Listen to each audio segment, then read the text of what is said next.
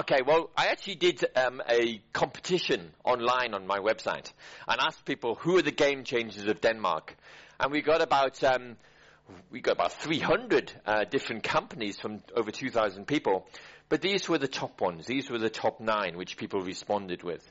Um, so some of them you might agree with or disagree with. Some of them you might know or not know. Um, I mean, we all know Bjarke Ingels group. I was looking at lunchtime at the ski slope on the power station.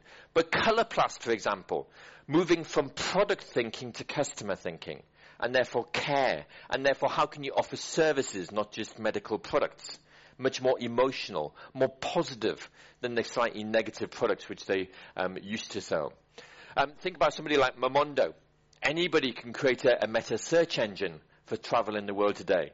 But by adding the best content, by adding provocative content, like their DNA journey video last year, you can actually do something which really engages people in a much bigger way.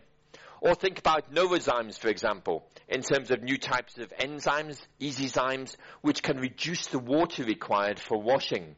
Or Vipp moving from sector to sector, like with their cabins now. Or Pandora, not just selling something, but constantly selling something. So once you buy the base product, actually adding to it over time or through gifting other people adding to it over time.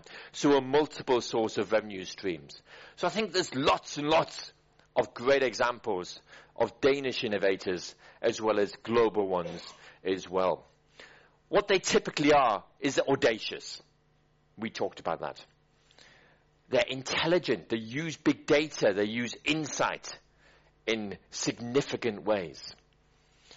They network. They use the power of this multiplying effect of networks, physical networks, social networks, digital distribution networks. So using networks in different way.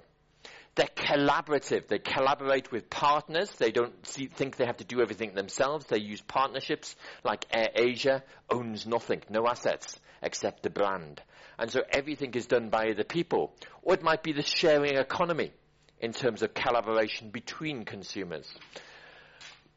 And finally, they enable people to do much more. They don't just sell the product or service, they actually help people to use that product in better ways, which is where the value really is for the customer. So helping people to use the product much more effectively. So the question is, what will you do? How will you do this in your business and make the most of the next five years as an inspiring, effective leader and make sure that your business wins?